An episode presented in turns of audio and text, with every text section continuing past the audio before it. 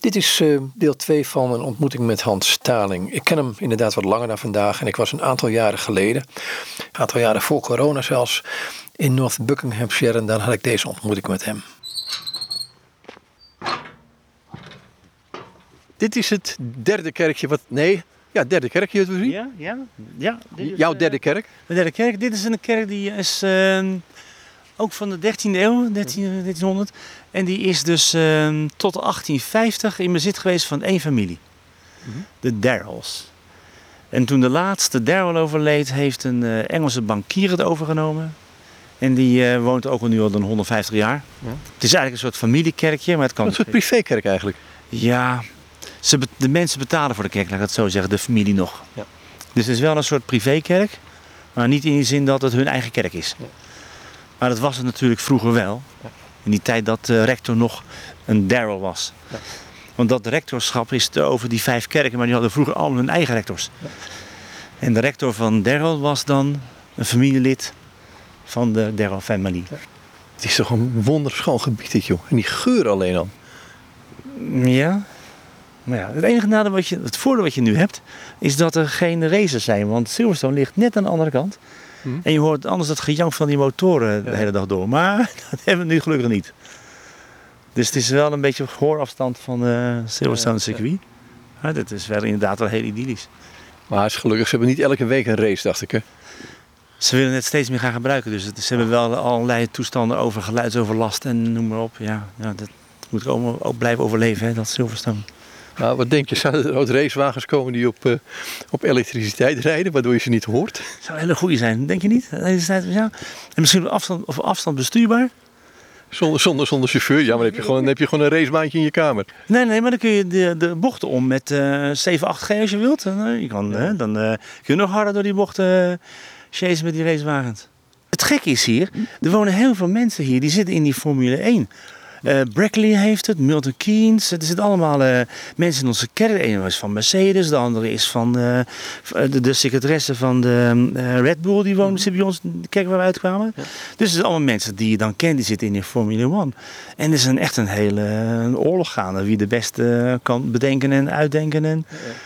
Het is wel interessant om dat allemaal te horen over die Formule 1. Maar dit, dat- Maar ja, die, die dingen, ik, ik ben er wel eens bij geweest, ook, ook in de Monaco.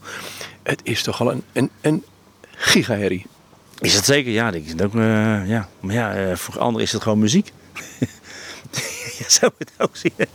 En, en als ik dan die discussie hoor over die versnellingsbakken van Mercedes ten opzichte van de anderen. Ik heb dan die gozer gekend die, eh, die dan die versnellingsbakken ontwerpt voor Mercedes. Maar dat is echt een, eh, zijn evangelie. Die kan er u over vertellen en hoe het allemaal in elkaar zit en hoe het werkt. Ik zeg, ja, die mensen leven er helemaal voor. Dat is wel een apart. dat is weer, weer, weer het leuke van dit gebied weer. Je ziet, je maakt altijd een soort figuur mee. En dat, eh, Vliegtuigje lekker hoog. hey, ehm, jouw evangelie, wat is dat? Gewoon de blijde boodschap van Christus. Maar dat eh, kan eh, door iedereen begrepen worden, denk ik. Maar het is bij jou, jij, jij bent buiten kerk, je komt van buiten, je, je- eigenlijk ongelovig. Hoe is het begonnen bij jou? Wat, wat, wat zijn van die trigger dingen geweest? Het was mijn, eh, mijn, mijn moeder eigenlijk die op een gegeven moment... Nee, dat was daarvoor al. Het was altijd een soort christelijk tintje in ons huishouden van mijn ouders thuis. Maar het kwam er niet echt door tot mijn eh, broertje overleed. Hij, hij was toen eh, zeven en ik was elf, geloof ik. Mhm. En eh, dat heeft mijn ouders toen tot het christendom gebracht. Toen zijn mijn ouders, mijn moeder in ieder geval, aangesloten geworden bij een eh, soort evangeliebeweging. Van een zekere Gravendeel. En die man die had één keer in de week eh, samenkomst op maandag. En dan ging ik met mee. En de kerk bungelde er daarbij een beetje bij. Mijn moeder ging toen wel naar de kerk. Maar eh, ja, mm, niet echt van harte. Ze ging wel eens met haar mee. Maar dat maandagavond, dat was dan altijd eh evangelieverkondiging. Ja, wat, wat gebeurde daar?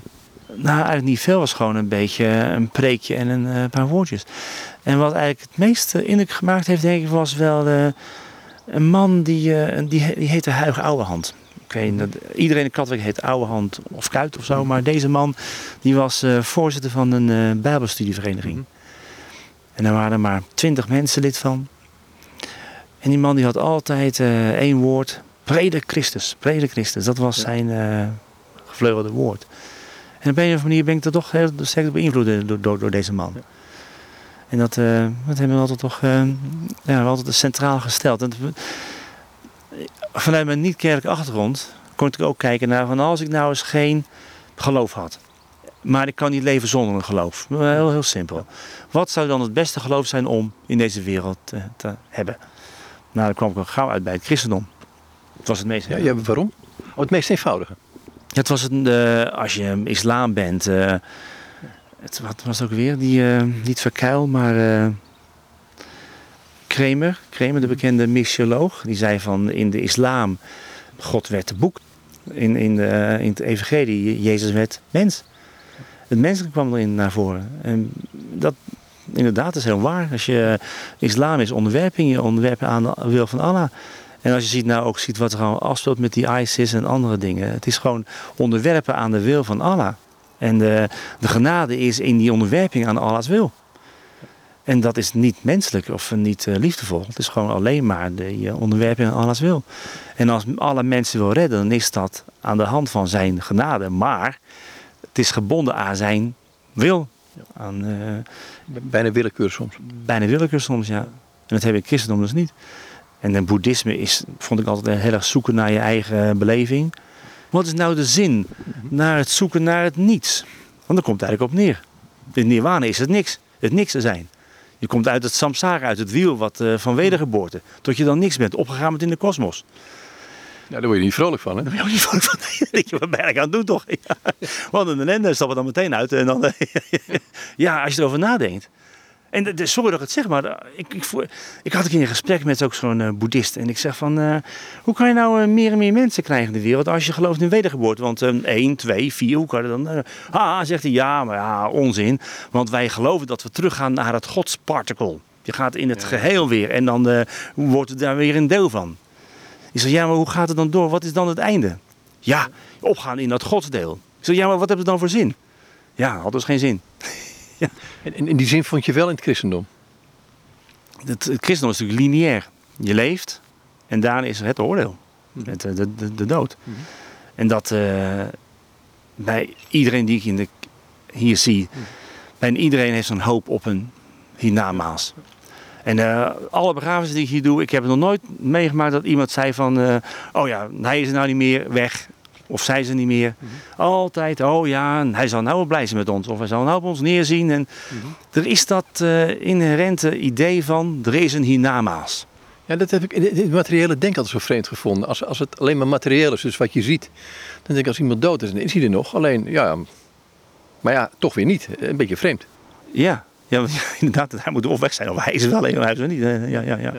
En, wat, wat, wat gaf voor jou naar de doorslag? Je zegt, oké, ik heb het onderzocht en uiteindelijk is voor mij het christendom het meest eenvoudig. Wat was er nou zo eenvoudig aan? Het feit dat het gaat om het, dat iemand voor jou gestorven is. En het voor jou gedaan heeft. Dat je het zelf niks meer aan hoeft te doen. Dus heel persoonlijk nog een keer? Het wordt ook heel persoonlijk eigenlijk, ja. Je blijft een individu die niet opgaat in het niets. Inderdaad, je individu. Je blijft ook als individueel verantwoordelijk voor je eigen daden. Ja. Als je dat niet wil accepteren, dan is er ook geen rechtspraak nodig natuurlijk. Als je toch alles ziet als deel van een gebeuren wat al voorbestemd is of zo, waarom zou je dan nog uh, straf uitdelen als iemand uh, verkeerd doet? Ik bedoel, dat is dan allemaal onzin. En, en zo eigenlijk het hele leven, het hele staatssysteem staat of valt bij hoe je denkt over het hiernamaals, over, over je ja. dingen denkt later. En hier binnen? Ja. Een heel klein haakje op, of is dit de deur nog niet? Ja, dit is de, al deze deuren zijn hier gebouwd om de uh, vleermuizen buiten te houden. Als het lukt. En dat lukt? Uh, niet altijd, want ze komen door de kleinste gaatjes naar binnen. Er is, heel, er is ook in Engeland een hele ruzie gaande nu tussen de, de dierenliefhebberij die al die vleermuizen in de kerken willen houden. En de, de kerkgangers die er niet zo van houden, want die beesten die zijn nogal... Uh, erg vies en die poepen overal en pissen overal. en de orgelpijpen gaan er allemaal aan, want dat uh, vreet in het koper, in in het zink, in het lood in. En, dat, uh, ja, en de mensen, ik heb ook gehoord van de predikant dat die moest, uh, terwijl ze de avondmaal deed, moesten de keutels uit haar haar schudden. Dus ja, er is een grens aan. Ja, er is zeker een grens aan. Ik denk, oh ja. nee, deze deur is altijd open dicht. Altijd open.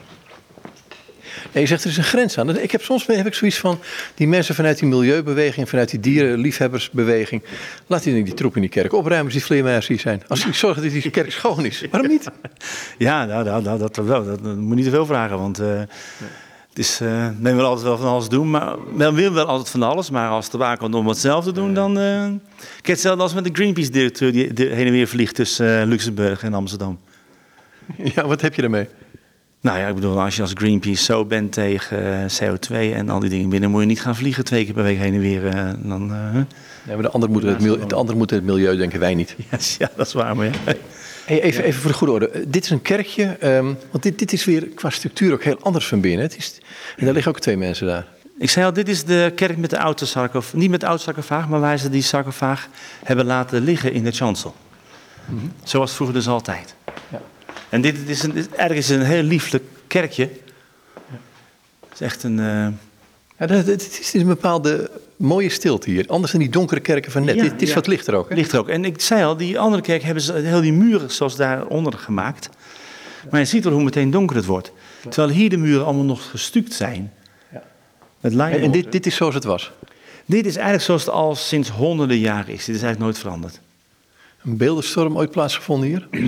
ja, dat is wel weggehaald. Maar dit was natuurlijk een kerk door een familie. En volgens mij hebben hier nooit echt veel beelden gestaan. Ligt aan wat voor kerk je ook had natuurlijk. Zoals je naar de laatste kerk gaat, dan kan je zien hoe ze overal beeldjes hadden staan die allemaal weggehaald zijn. Maar hier is er weinig van. En zie je alles gewijd aan die Darrell-familie. En dit zijn twee Darrells? Dit zijn een man en vrouw Darrell. Ja, die liggen dan hier uh, in het midden van de, van de chancel. Ze liggen erg in de weg, maar ja, dus zoals altijd geweest is. Volgens mij is het aan de andere kant staat uh, wanneer het was. Uh, valt het allemaal af. Ik dacht ook dat het ergens de 14e eeuw was, maar waar weet ik niet precies. Of was het de 15e eeuw, ik weet niet meer precies. Maar in ieder geval uh, vrij uh, op leeftijd. Hier maken we altijd elk jaar, de, dat doen de dorpelingen dan, maken hier de Easter Garden. Dat is een nieuw voor mij. En dat is? Dat is dat ze dan uh, in plaats van een krip met kerst, -huh. maken ze hier dan een, een tuin mm-hmm. waar met open graf. Mooi, mooi. Ja, ik vind, vind het ontzettend, ontzettend nieuw voor mij dit hoor. Ik, ik bedoel, een krip kan ik, ja, ik kan me voorstellen. Ik, ik blijf het uh, draken van dingen vinden. Maar goed, dit, dit, dit, is toch wel heel apart om dit zo te doen. Ja, dat, is, uh, dat zie je meer. Maar dit wordt hier dan hier nog gedaan. Hier maken ze dan een Easter Garden. Dus dan wordt er een soort steen neergelegd die weggerold is van ja. een, een, grot. Ja. En dan wordt er een uh, tuin gemaakt eromheen, het gras. Hey, even terug naar het, wat, je, je me net vertelde. Um, die maandagavond had je een soort bijbelstudie was dat, een woordverkondiging. Um, toen ben je gaan zoeken, zeg, nou het christendom is het meest voor de hand liggen, het meest eenvoudig, het meest persoonlijk. Maar hoe kom je dan in de Anglikaanse kerk terecht? Dat is nog weer een andere stap, want daar heb je je voor het eerst ontmoet in Amsterdam. Ja, dat is natuurlijk de, de schuld van mijn vrouw uh, geweest. Voor je zie wat het is. uh, zij was pianiste. En ze werd eens gevraagd om te spelen op een zondagavond in de Anglikaanse kerk. In Amsterdam. In Amsterdam, de Groenburgwal. De Groenburgwal. Ja. En wij waren toen bevriend. En ik ging natuurlijk uh, trouw met haar mee naar die dienst. Ja, want een kerk, als het, als het meisje mooi is, is de kerk ook mooi. Inderdaad, ja, inderdaad, ja zeker. Ja, en, en, die, uh, en toen was Fergus McCartney er nog, die kent u heel goed. En Fergus, ah, ik, vond, een prachtige man. Uh, hij, was, hij was professor in, in de, in de hartchirurgie. En hij had zoiets als van, uh, wat denkt die stomme bisschop wel wie die is? Ik doe gewoon wat dingen die ik wil. En als hij het niet goed vindt, dan uh, stuurt hij me maar, maar, maar, mee maar weg. Dat soort houding, hè? dat had Fergus een beetje over zich. Dus uh, Fergus zei ik het. Het zit ook wel een beetje bij jou volgens mij. Dat, dat, dat toch een ja. beetje het leven laten gebeuren. Ja, nou ja, maar ja, ik bedoel. Wat hebben die mensen eigenlijk te zeggen? Die, die, ze staan. Uh, ze weten van hoe nog, nog te rand, maar ze kunnen wel precies zeggen hoe jij het moet doen in een bepaalde situatie. Dus, ga je doen? En heb je dat voor bisschop? Nou, vaak over uh, mensen die leidersposities geven in de kerk. Ja. Ik heb ook wel gezien dat mensen die zelf als predikant niet zo goed functioneren, dan maar wat anders gaan doen. En een bisschop is toch vaak in Engeland uh, uh, je achtergrond. Niet allemaal hoor, laat ik eerlijk zijn. Misschien, maar toch wel. Uh, als je, ik, ik, kan je mensen aanwijzen van ik denk dat ze bisschop gaan worden. Omdat zij de vader was, ambassadeur bijvoorbeeld in daar en daar. En ik ken nog meer mensen die wel de ladder zullen opklimmen omdat ze van hun achtergrond. Ja. Hey, maar even, even terug naar Amsterdam. je volgde het meisje in de kerk, was de pianiste. Fergus McCarthy was daar. Dat was een mooie preken, moet ik zeggen. Een hele gezegende tijd. Ja, ik was een hele, een hele bijzondere man. Uh, hij is natuurlijk al, overleden, dus ik kan nu allemaal nu zeggen over hem. Maar het was echt een hele... En die liet mij dus ook... Uh, die vroeg mij op een gegeven moment, van na een paar keer van... Wil jij uh, een keer een dienst doen in de kerk? En waarom? Ik weet niet, omdat hij dat gewoon leuk vond. Ik weet niet waarom, ik weet niet waarom. Op een avonddienst. En ik moet je eerlijk zeggen, hij zegt van, eh, nou, doe maar, preek maar ook. Ik was natuurlijk al theoloog, dus ik, daar mag niet zo moeilijk mee, mee over. En uh, ik had toen het groene boekje gebruikt. Ken je dat nog, het groene boekje? Voor een avondmaalsdienst. Heb je het gezongen? nee, nee, maar nee, het, gewoon, het groene boek was voor de normale, normale rood was voor het avondmaalsdienst. Mm. Dus het klopte voor geen meter met die hele dienst. Mm. en Furkes zei, nou ja, volgende keer beter. dat, dat soort houding van Furkes, dat is gewoon heel makkelijk van, uh, ja. En er waren ook wel mensen, ja, ook wel mensen in de kerk die, uh, die leuke dingen zeiden, zoals van, uh, het is altijd beter om vergeving te vragen dan toestemming. En ja, ja, of van als jij een foutje maakt, nou ja, het koninkrijk van God het gaat niet missen omdat jij dat foutje maakte. Of zo, ja, inderdaad. Een beetje makkelijk nemen. Ja, nee, zo, zo ken ik je ook wel, weet je. Maar, maar oké, okay, dan ben je van het meisje ben je daar gekomen en dan van het een komt het ander. Want het meisje ben je bij gebleven, dan ben je mee getrouwd. We zijn weer getrouwd. We zijn, ja, ik ben ermee getrouwd. Ja, we zijn getrouwd. En, uh, ja, we zijn in, ook in de kerk gebleven. Ja. Inderdaad. Toen op een gegeven moment dat, dat die vraag kwam, wil jij naar Engeland gaan voor een curacy? Ja. Om dan dit aan te doen, ja. Dan gaan wij langs deze twee mensen die hier liggen. Sinds het jaar 1400, van wie je de naam niet weet, maar goed. Ja, de naam wel de was, maar ik, het zit in het Latijn. Hè, en dat, dat, dat ja, ik, ik, zie nergens een datum staan trouwens. Waar ben ik nou? Mijn ogen zijn niet goed. Dear Dorothy, lying in grave with many children, blessed, it over home the world at will. Was she born, three faith, one... She had, haar elf kinderen zitten aan, liggen aan de andere kant. En er moet een datum onder staan, maar dat is allemaal weg, weg, weg, weg, weg. Uh, 15 eeuw, denk je? Ja, is een beetje 15 eeuw. Een boekje opzoeken, dat staat in het boekje. Ik kan het boekje zo verpakken. En aan de andere kant staan haar kinderen. En hier staan al haar... Ja, inderdaad, 11 kinderen, toch? Even kijken, vertellen. 1, 2, 3, 4, 5, 6, 7, 8, 9, 10, 11. 11, 11 kinderen, ja. Dus aan de andere kant van dat graf staan haar, of uh, dat hoge ding, staan haar 11 kinderen afgebeeld. Grappig toch? Ja. Nou ja, niet verkeerd. Ja. En hier is dan een andere sarcofaag, die is kleiner. Daar staat wel een datum op, toch? Klopt dat? Ik heb geen idee, dat moet jij vertellen. Dat, uh... Ja, ik met vijf kerken of met vier weken ook een niet uh, wat de data's waren. Ik weet het echt niet. Nee, nee, ik weet niet meer. Het zal ook wel rond de 16e eeuw zijn, zo'n beetje. Ja, dus dit is een hele mooie dit. Ja, er zit nog zo'n uh, nog een brass op, zie je dat? Zo'n koperen gravure. Ja. Dat is vrij, vrij, vrij veel bijzonder, want veel werden ze er afgejat. Maar deze is er blijven liggen. Dit is waarschijnlijk een originele nog. Ja. En dat, uh, of ze lagen op de vloer als ze af werden gehaald of af werden gelopen. Maar hier liep dus niemand overheen. Ja. En omdat het toch een beetje meer een uh, privékerk was, is het allemaal gebleven. Vroeger kwamen altijd kinderen die kwamen dan brass rubbings maken. Ja. Ja, dat is een leuke stad, hè? Ja, ja. is ook niet meer hoor, maar dat is, was vroeger wel zo. Ja, dat kun je met een computer bijna niet meer doen. Nee, nee, nee. nee. Ja. met een laptop, ik zie er overheen en dan... Ja. Zal ik even in het boekje kijken wanneer nou die uh, figuren overleden zijn? Want dan, uh, anders blijven we maar gissen. Zoals je ziet, we hebben in elke kerk boekjes neergelegd van wat... Uh... Oh, maar nu was hier de eerste rector. Ook 1233. Lawrence Daniel, zie je? 1233. Zat je naam hier ook in het eind? Nee hoor, nee, dit stopt bij... Oh ja, ja, dat staat er wel in. Dat wist ik helemaal niet eens. Ja, hier, 2005. Ja, ja Jonas al betaling. Ja. ik wist niet dat ze erbij geschreven hadden, joh. Hier heb je, die kopergravuren, denk ik. Ja? ja. Is dat waar die uh, Dorothee, dat is van het hoofd van die uh, grote grafsteen, zie je? Mm -hmm. 1571. 1571? Ja, 1571. Okay. Ja. Het enige wat ik net wat anders wil willen opzoeken als ik ooit weer in Nederland ben, is. Op een gegeven moment kwam ik toevallig achter dat een zekere Taling was predikant van de Pieterskerk in 1572. In Leiden dan? In Leiden dan, in Leiden. En die was daar tijdens het Leidens ontzet. Was het 1572? Ja, dacht ja 1572. Ja, die was tot 1574. Ja. Ik wil nog wel eens willen weten, is dat nou een familielid of...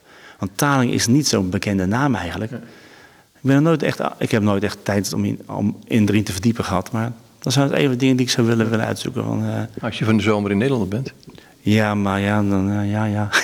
Maar Taling is toch een soort eend? Taling is een eend, ja. Is een eend, ja.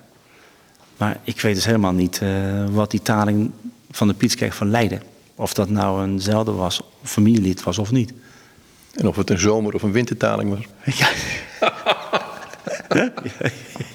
Yes. Dat wil toch het vogelen zijn, hè? Dat is Maar een- doe, je eens met vogels hier. Kijk je vogels hier? Nee, nee, nee. Nou, nou, af en toe zitten we eens in. Ik heb een vogelboek ligt in, de, in het huiskamer om te kijken of dat nu eh, eh, wat we in de tuin zien. Maar, eh, Maar verder gaat het niet. verder gaat het niet. Nee, want er zitten er bijvoorbeeld een paar eh, spechten bij ons in de tuin. En dan houden we er een beetje bij wanneer ze wel komen.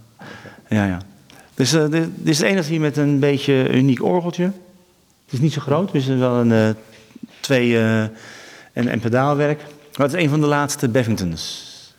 En Helaas zeg maar dat ja, nou, joh. Engeland is helemaal geen orgelland. Maar eh, ze komen wel een beetje achter dat Bevington was al, ik geloof in de 17e eeuw actief. En die ging ten onder, net voor de Eerste Wereldoorlog of daaromtrent. En dit is van zo'n beetje net een van hun laatste. Ja. Dus daar zijn we nog een beetje zuinig op. Dus geen vleermuis in de kerk. Mm, liever niet, maar ja, als ze er zijn, dan eh, kan je niks aan doen.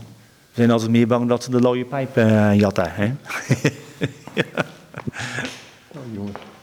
Dit, dit vind jij de mooiste kerk? Ik vind dit de mooiste kerk van, eh, tenminste, de liefelijkste. Ja, de, de sfeer is hier anders, hè? Ja, op een of andere manier, ja, ik kan het niet moeilijk om Dus het is het hele verhaal van jou van... je doet mensen een, een, een doek om en je gaat een kerk binnen. Dat zou hier wel eens niet kunnen kloppen. Want hier is het toch net even anders dan in die andere. Tenminste, wat, wat je proeft. Hè, de andere is, is die geur van, van die was. En de geur van, van het vocht. Maar hier is het... Ja, Ja, maar ik gebruik mijn ogen hier, niet, eh, niet mijn neus eh, als ik binnenkom. Dat vind je zelf niet. Ik bedoel, het, is- ik bedoel, het ziet er gewoon heel anders uit. Lieflijk uit met die... eh, De lampen ook zijn van die eh, oude zinken kroonluchters. Ik vind het een heel lieflijk kerkje. Het is ook de enige met eh, verwarming er allemaal in. We gaan beginnen aan een... eh, eind van deze maand gaat dat doopvond achter de toren, dat achter dat groen, dat gaat weg. Dat gaat naar voren en er komt het toilet in.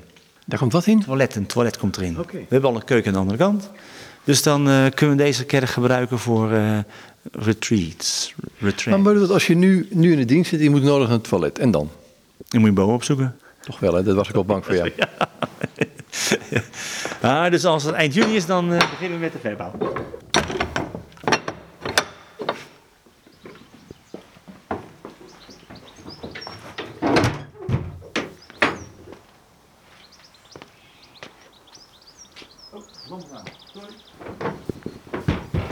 Hey, we lopen nu over het kerkhof. Er staan nog wat van die zerken.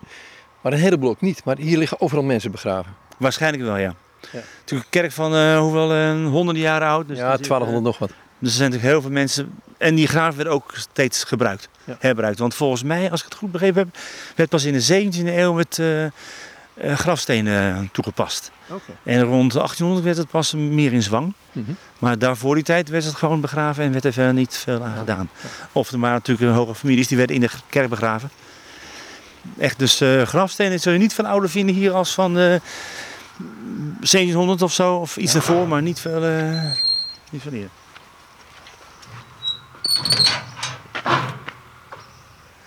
Prachtig? Zoals dat, dat, dat sluitwerk hier. Ja, zo kun je dus aan twee kanten binnenkomen. Je kan aan de ene kant aan de ene kant, aan de andere kant eruit. Is dus, eh, hij gaat naar binnen en naar buiten ook.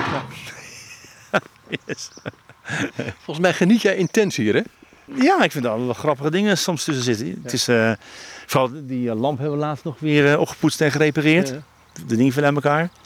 Dus ja. En ik, ik heb laatst nog met de woorden op het dak gezeten hier. Hebben we heel het dak, eh, het is een lode dak. Ja. Dat, het was allemaal lekkage binnenin.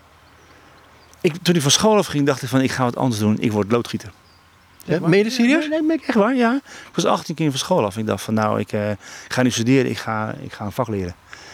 Dus ik heb eh, vier jaar lang... eh, Ik ga niet studeren, ik ga een vak leren. Dat is wel mooi, hè? ja, nou, ik, vond het gewoon, ik wilde gewoon eigen baasje zijn of zo, op een of andere manier. Dus eh, ik nam een... eh, ik ging, maar na, ik geloof vier jaar, vijf keer ontslagen te zijn of zo. Nee, na drie keer. ik dacht, dit is niet het vak voor mij.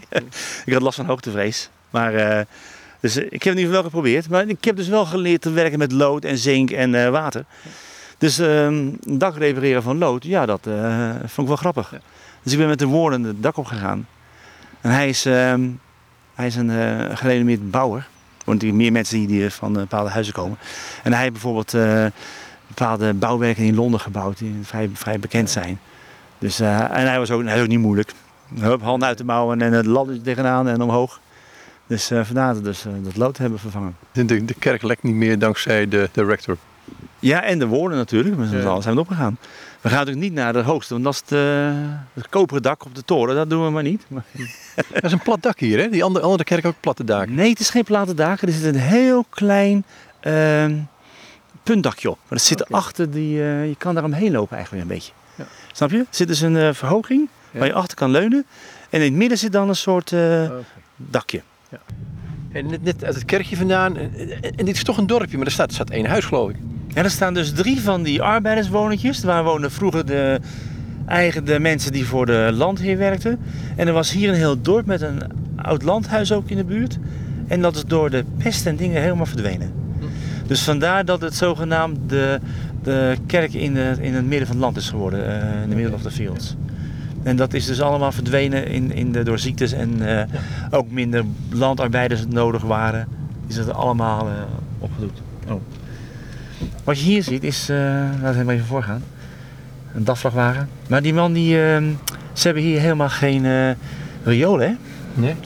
En ook geen gas nog. Dus, dus dit is een. Ja. Dus deze man, die komt hier gewoon Waste Solution Specialist.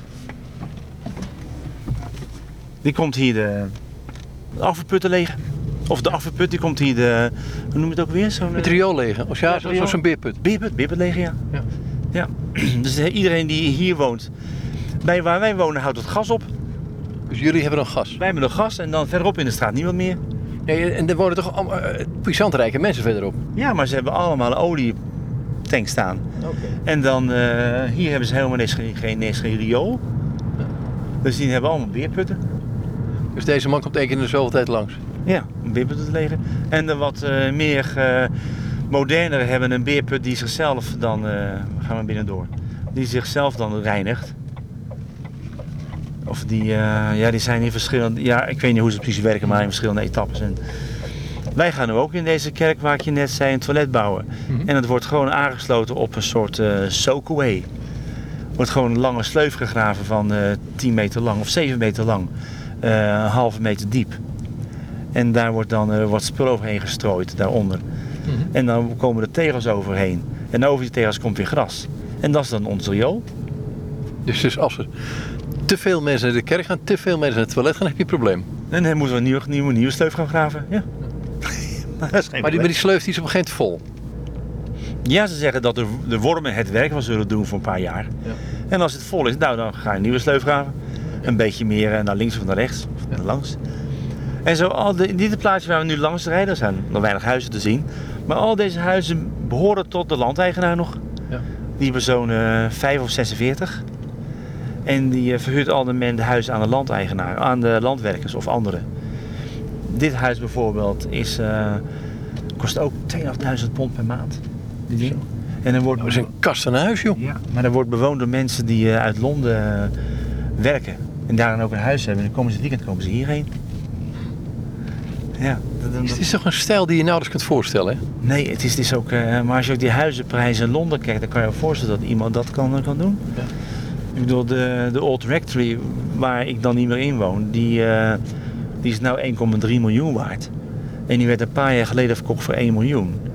En het is gewoon eh, mensen die wonen dan ergens in Zuid-Londen in een normaal rijkershuis. Of eh, een beetje luxe rijkershuis. Verkopen ze anderhalf miljoen. Dan kopen ze hier een, eh, een duur huis voor terug. Want de- die prijzen daar zijn gewoon eh, gigantisch. Prijsstijging van 20% in één jaar. En, eh, ja, ik heb, ik heb een vriend gehad die in Londen wonen en die, die betaalde dan eh, voor een paar kleine kamertjes, nou, ongelofelijke bedragen toch? Dat klopt, ja. Ik heb ook mensen bij ons in de kerk zitten waarvan de zoon is gewerkt in Londen. Nou, die betaalt eh, geloof ik 480 pond per week geloof ik voor een, eh, een normale woning, voor een, eh, klein woningje. Dus een paar duizend pond per maand voor eh, eigenlijk niks. Ja, ik zat vanochtend met een student te praten, of een aankomende student, die was in Birmingham, wilde die gaan studeren. En toen zijn vader was erbij en die vroeg hem van, waarom, we zaten met elkaar te praten, waarom ga je niet in de, is Londen geen optie? Hij zei, nee, maar dat, is- dat is veel te duur. Het is gewoon niet te betalen, weet je. Ja, klopt. Het is ook helemaal waar. Het is ook veel te duur. En een mooi huis, dat onder de miljoen krijg je in Londen niet veel meer. En dan hoor ik ook van mensen die bij ons in de buurt wonen. eh, die eh, reist op en neer. En betaalt 10.000 pond per jaar reiskosten. Want de trein is hartstikke duur. Ja, vooral in de tijd dat zij moeten reizen. Want, want als je voor negen reist voor half tien, dan heb je een probleem. Ja, dat is in Engeland echt eh, Als je kijkt naar marktwerking, als je dat in Nederland ooit wil toepassen, nou dan ben je echt, uh, dan ga je in je hoofd. Ik vind, ik vind het verschrikkelijk hier, die treinen. Want ik heb, ik heb, ik heb laatst ik een trein van York naar Birmingham. Een half uur eerder, 54 pond. Uh, half uur later, 27 pond. Hetzelfde treintje, hetzelfde stoel. Oh, dat is... Oh, dat, dat, ik, onze jeugdleider, eh, die, uh, een van de jeugdleiders, die, die uh, moet dan af en toe eens naar... wat was het? Milton Keynes, dan moet hij naar... in ieder geval, dat kost een retourtje 350 pond. Moet hij in de spits. Hij zegt, en als ik dan buiten de spits wil rijden, kan ik voor 40, 45 pond doen. First class. Ja, nee, dat, dat heb ik, naar, ik heb het naar Cardiff meegemaakt. 9 uur was ik op het station. Ik zeg, uh, moet naar Cardiff toe. Ja, 120. Ik zeg, wat? Ik zeg, kan het niet goedkoper? Ja, natuurlijk, moet je een half uur de trein nemen. 34. Ja, zie je? Ja, dat is, ja. In de spits betaal je gewoon een uh, heel, heel duur tarief. Ja. En je ziet hier ook op het, op het nieuws zien, mensen die dan uh, moeten bijvoorbeeld van, van hier, van hier, van hier vandaan naar, naar Londen. Dan gaan ze naar drie verschillende stations. En dan rennen ze uit de trein, gaan ze gauw een kaart kopen naar het volgende station. En dan gaan ze daar weer een kaart kopen voor het volgende station. Dan is het goedkoper als dat ze één keer van hier vandaan naar Londen rijden. En dat scheelt dan misschien 10 of 15 pond. Maar ja, als je dat dus een, uh, een, een jaar moet doen op een jaarbasis, dan scheelt je heel wat geld. Maar het is natuurlijk een idioot systeem. Dat je zegt de marktwerking. Dat is natuurlijk. Ik, ik vind het bij. Kijk, wat ben ik nog blij dat ik in Nederland woon en gewoon de ticket. Je weet wat je betaalt voor, de, voor een uh, treinbiljet. Ja, ja. Ik heb ook gehoord, als ik het goed geïnformeerd ben, dat men dat wil gaan veranderen in Nederland. Maar mm, zou goed opletten wat je doet, want dat werkt echt niet zo. Uh, dat het echt dan uh, goedkoper wordt. Mensen in de spits gaan veel meer betalen en mensen die dan uh, buiten de spits reizen betalen bijna niks. Nou, ik heb het nu al. Ik heb een, een, een, een buiten de spitskaart, dus een OV, zo'n voordeelurenkaart. En na 9 is het 40% korting hoor. Ja. Dus ik reis voor 9 bijna niet meer. Nee, inderdaad. Nou, dus het ga je wel wat, uh, ja. Maar je kan ook voor 9 wat meer treinen laten rijden en dan, dan na 9 wat minder treinen. Maar ja, het is gewoon, uh, het is gewoon hoe, hoe dingen werken hier met marktwerking in Engeland. Heel, marktwerking is heel sterk. En dat hebben ook zijn voordelen, misschien ook echt zijn nadelen. Nou, ik zie alleen maar, sorry dat ik het zeg, maar ik zie vaak alleen maar nadelen. Omdat het, het, zijn, het, zijn, um, het geld verdwijnt toch ergens en het zijn vaak de rijken die rijker worden. Ja, onze organist is een, uh, ook een advocaat. Niet zo'n heel duur betaalde, maar die geeft les in Birmingham. De rest op en neer. En hij is een uh, uh, stout labor. Dus echt een, echt een labor. Zijn vader was een miner. En, een mijnwerker dan? Mijnwerker, een mijnwerker. Dus hij komt van een heel humble background.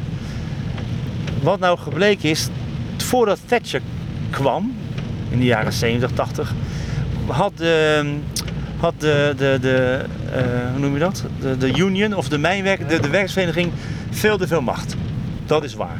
En je kreeg echt onzin dat uh, vier mensen konden het werk doen wat één mens kon doen met gewak. En werd daarvoor veel te veel betaald. Oftewel, de hele boer werd uh, uitgehold. En veel gingen, bedrijven gingen failliet. Het werkte gewoon niet meer. Wat heb je nu gekregen, is dat in plaats van dat vier mensen het werk doen voor veel te veel geld, is dat de manager of de baas van het bedrijf dat geld naar zich toe gesleept heeft. Dus het geld is er dan nog wel, maar het wordt al gewoon anders verdeeld. Dus moet je dan teruggaan naar de tijd van voor Thatcher? Nou, ik denk niet dat het ook werkt.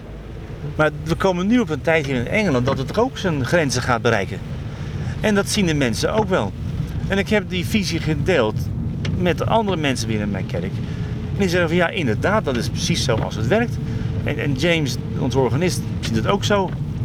Dat het is altijd naar dat balans zien te vinden. Maar het gaat altijd lijkt zoals de pendulum swingt van de een naar de andere kant. En nu gaat het weer een beetje te veel naar de andere kant. Hoe komt het nou weer een keer terug? Als men niet gaat via een revolutie, want dat is natuurlijk vaak het gevolg. Maar ja, dat zie je toch een beetje hier nu ook gebeuren. Mensen toch een beetje vervelend vinden. En waarom zou de, de werkgever 300 keer het salaris verdienen van zijn laagst betaalde medewerker? Nou, dat is natuurlijk de idioterie. Ik heb, ik heb met een oude jezuïet was besproken. Die zei van ja, het zou goed zijn. En de bedrijven die sinds de Tweede Wereldoorlog hebben overleefd... zijn vaak bedrijven waar de, de meest betaalde niet meer dan vier keer betaald krijgt dan de, dan de minst betaalde. En het werkt uitstekend. Dan word je niet super rijk, maar je kunt er leven, toch? Ja, ik denk dat vier keer wel heel erg weinig is. Ik denk dat je toch moet denken aan misschien 40, 50 keer of zo op een gegeven moment. Maar je krijgt nu absurde, absurde situaties van uh, 300, 400 keer het uh, inkomen van de laagst betaalde. En dat is gewoon een beetje te veel. En als je 40, 50 keer misschien ook nog veel. Nou, dat vind ik, vind ik ook nog rijkelijk veel, maar goed. Ik heb wel eens gelezen dat er 15 keer zo ideaal zijn. En 7 keer is wat we na moeten streven. Maar ja, of dat ooit gebeurt, dat vraag ik me ook af. Maar houd dan op 40, 45 keer, dan kom je op nog een heel eind hoor, denk ik. Nou ja, zelfs zelfs de minst betaalde dan 10.000 verdient, is de meest betaalde 400.000. Nog een verschil. En, en, en waar gaat het om dan? Ja, ja, in principe zou dat in Engeland niet een heel groot verschil zijn als je daarover praat. Want eh, ik bedoel, die uh, lag last laatst die, die man van de Red Cross niet onder vuur omdat hij een uh, salaris had van bijna 2 ton per jaar. Geen idee hoor, ik volg het allemaal niet. Nou, dat wordt dus betaald door vrijwilligers die langs de deur gaan om geld op te halen. Die zeiden op een gegeven moment ook van, bekijk het even, we gaan niet zo'n duur salaris betalen aan, een, aan iemand die voor een organisatie als dit werkt. Ja. Als het nou een bedrijf is die wat produceert, ja. Ja, maar zelfs dan niet. Ik, waar, waarom, waarom moet je van die exorbitant hoge salarissen verdienen? Um, dat vraag ik me af. Ja. Ja maar ik denk dat het gewoon zo hoe de mensen in elkaar zit. Dat het nou moeilijk te veranderen. Als je naar een communistisch systeem, dat werkt ook niet. Nee, maar je kunt, nou, dat hoeft niet per se, maar je kunt wel, kijk, je, er kan een, een, verschil zijn, maar je kunt ook denken aan solidariteit. Je kunt denken aan gewoon het feit dat je hier wil leven en niet dat een deel heel puissant rijk wil leven en de rest denkt, ja, bekijk het allemaal maar. Ja, maar omdat er nu natuurlijk grote inkomstenverschillen zijn en misschien blijven, hou je wel het initiatief in de hand om nieuwe dingen te gaan ondernemen. Mm Wat is dan, als jij maar vier keer verdient als jouw uh, laagststaande medewerker, wat is dan jouw, jouw motivatie om iets nieuws te gaan ontwikkelen? Nou, dat is een goede vraag. Wat zou je motivatie moeten zijn? Het geld kun je meenemen op een gegeven moment. Dus, dus heeft het niet met je wereldvisie te maken, je, je beeld van waarom je leeft? Ga je niet naar zingeving toe op een gegeven moment? Ja, maar ik denk dat veel mensen niet daar zo mee bezig zijn met dat zingeving. Het komt af en toe eens op. Maar ik denk niet dat dat nou hun hele leven bepaalt, elke dag. En dus er moet er wel iets anders zijn als alleen maar de zingeving om te bepalen wat mijn motivatie is voor het leven. Anders dan uh, ik denk dat het een beetje erg uh, leeg wordt voor veel mensen. Nu trouwens prachtig weer hè? We hebben één keer omgeslagen hè? Een echt zware bui hier op het ogenblik. Maar we zitten wel even uit. We zijn nu weer terug voor de, de rectory, voor de drive. Oh, nu zijn we in jouw kerkje, of waar je naast woont, toch? Ja. Ja, dit is de kerk waar, we, waar ook het meest gebeurt. Dit is de, de meest bezochte, bezochte kerk. Ja. Ook elke zondag een dienst. En ook een heel actief eh, jeugdwerk bij betrokken is. Maar dan zitten we in de school. Jij hebt een paraplu, hoop ik? Nou, we staan eigenlijk voor de deur geparkeerd. Durf je dan even uit de auto te springen? Of? Ja, ik moet oppassen, oppassen dat mijn uh, microfoon niet nat wordt. Dat is het enige eigenlijk. Zet ik hem even uit? Die, uh, ja, doe ik ook wel. ik doe het even anders. En tot zover deel 2 van een ontmoeting met Hans Taling.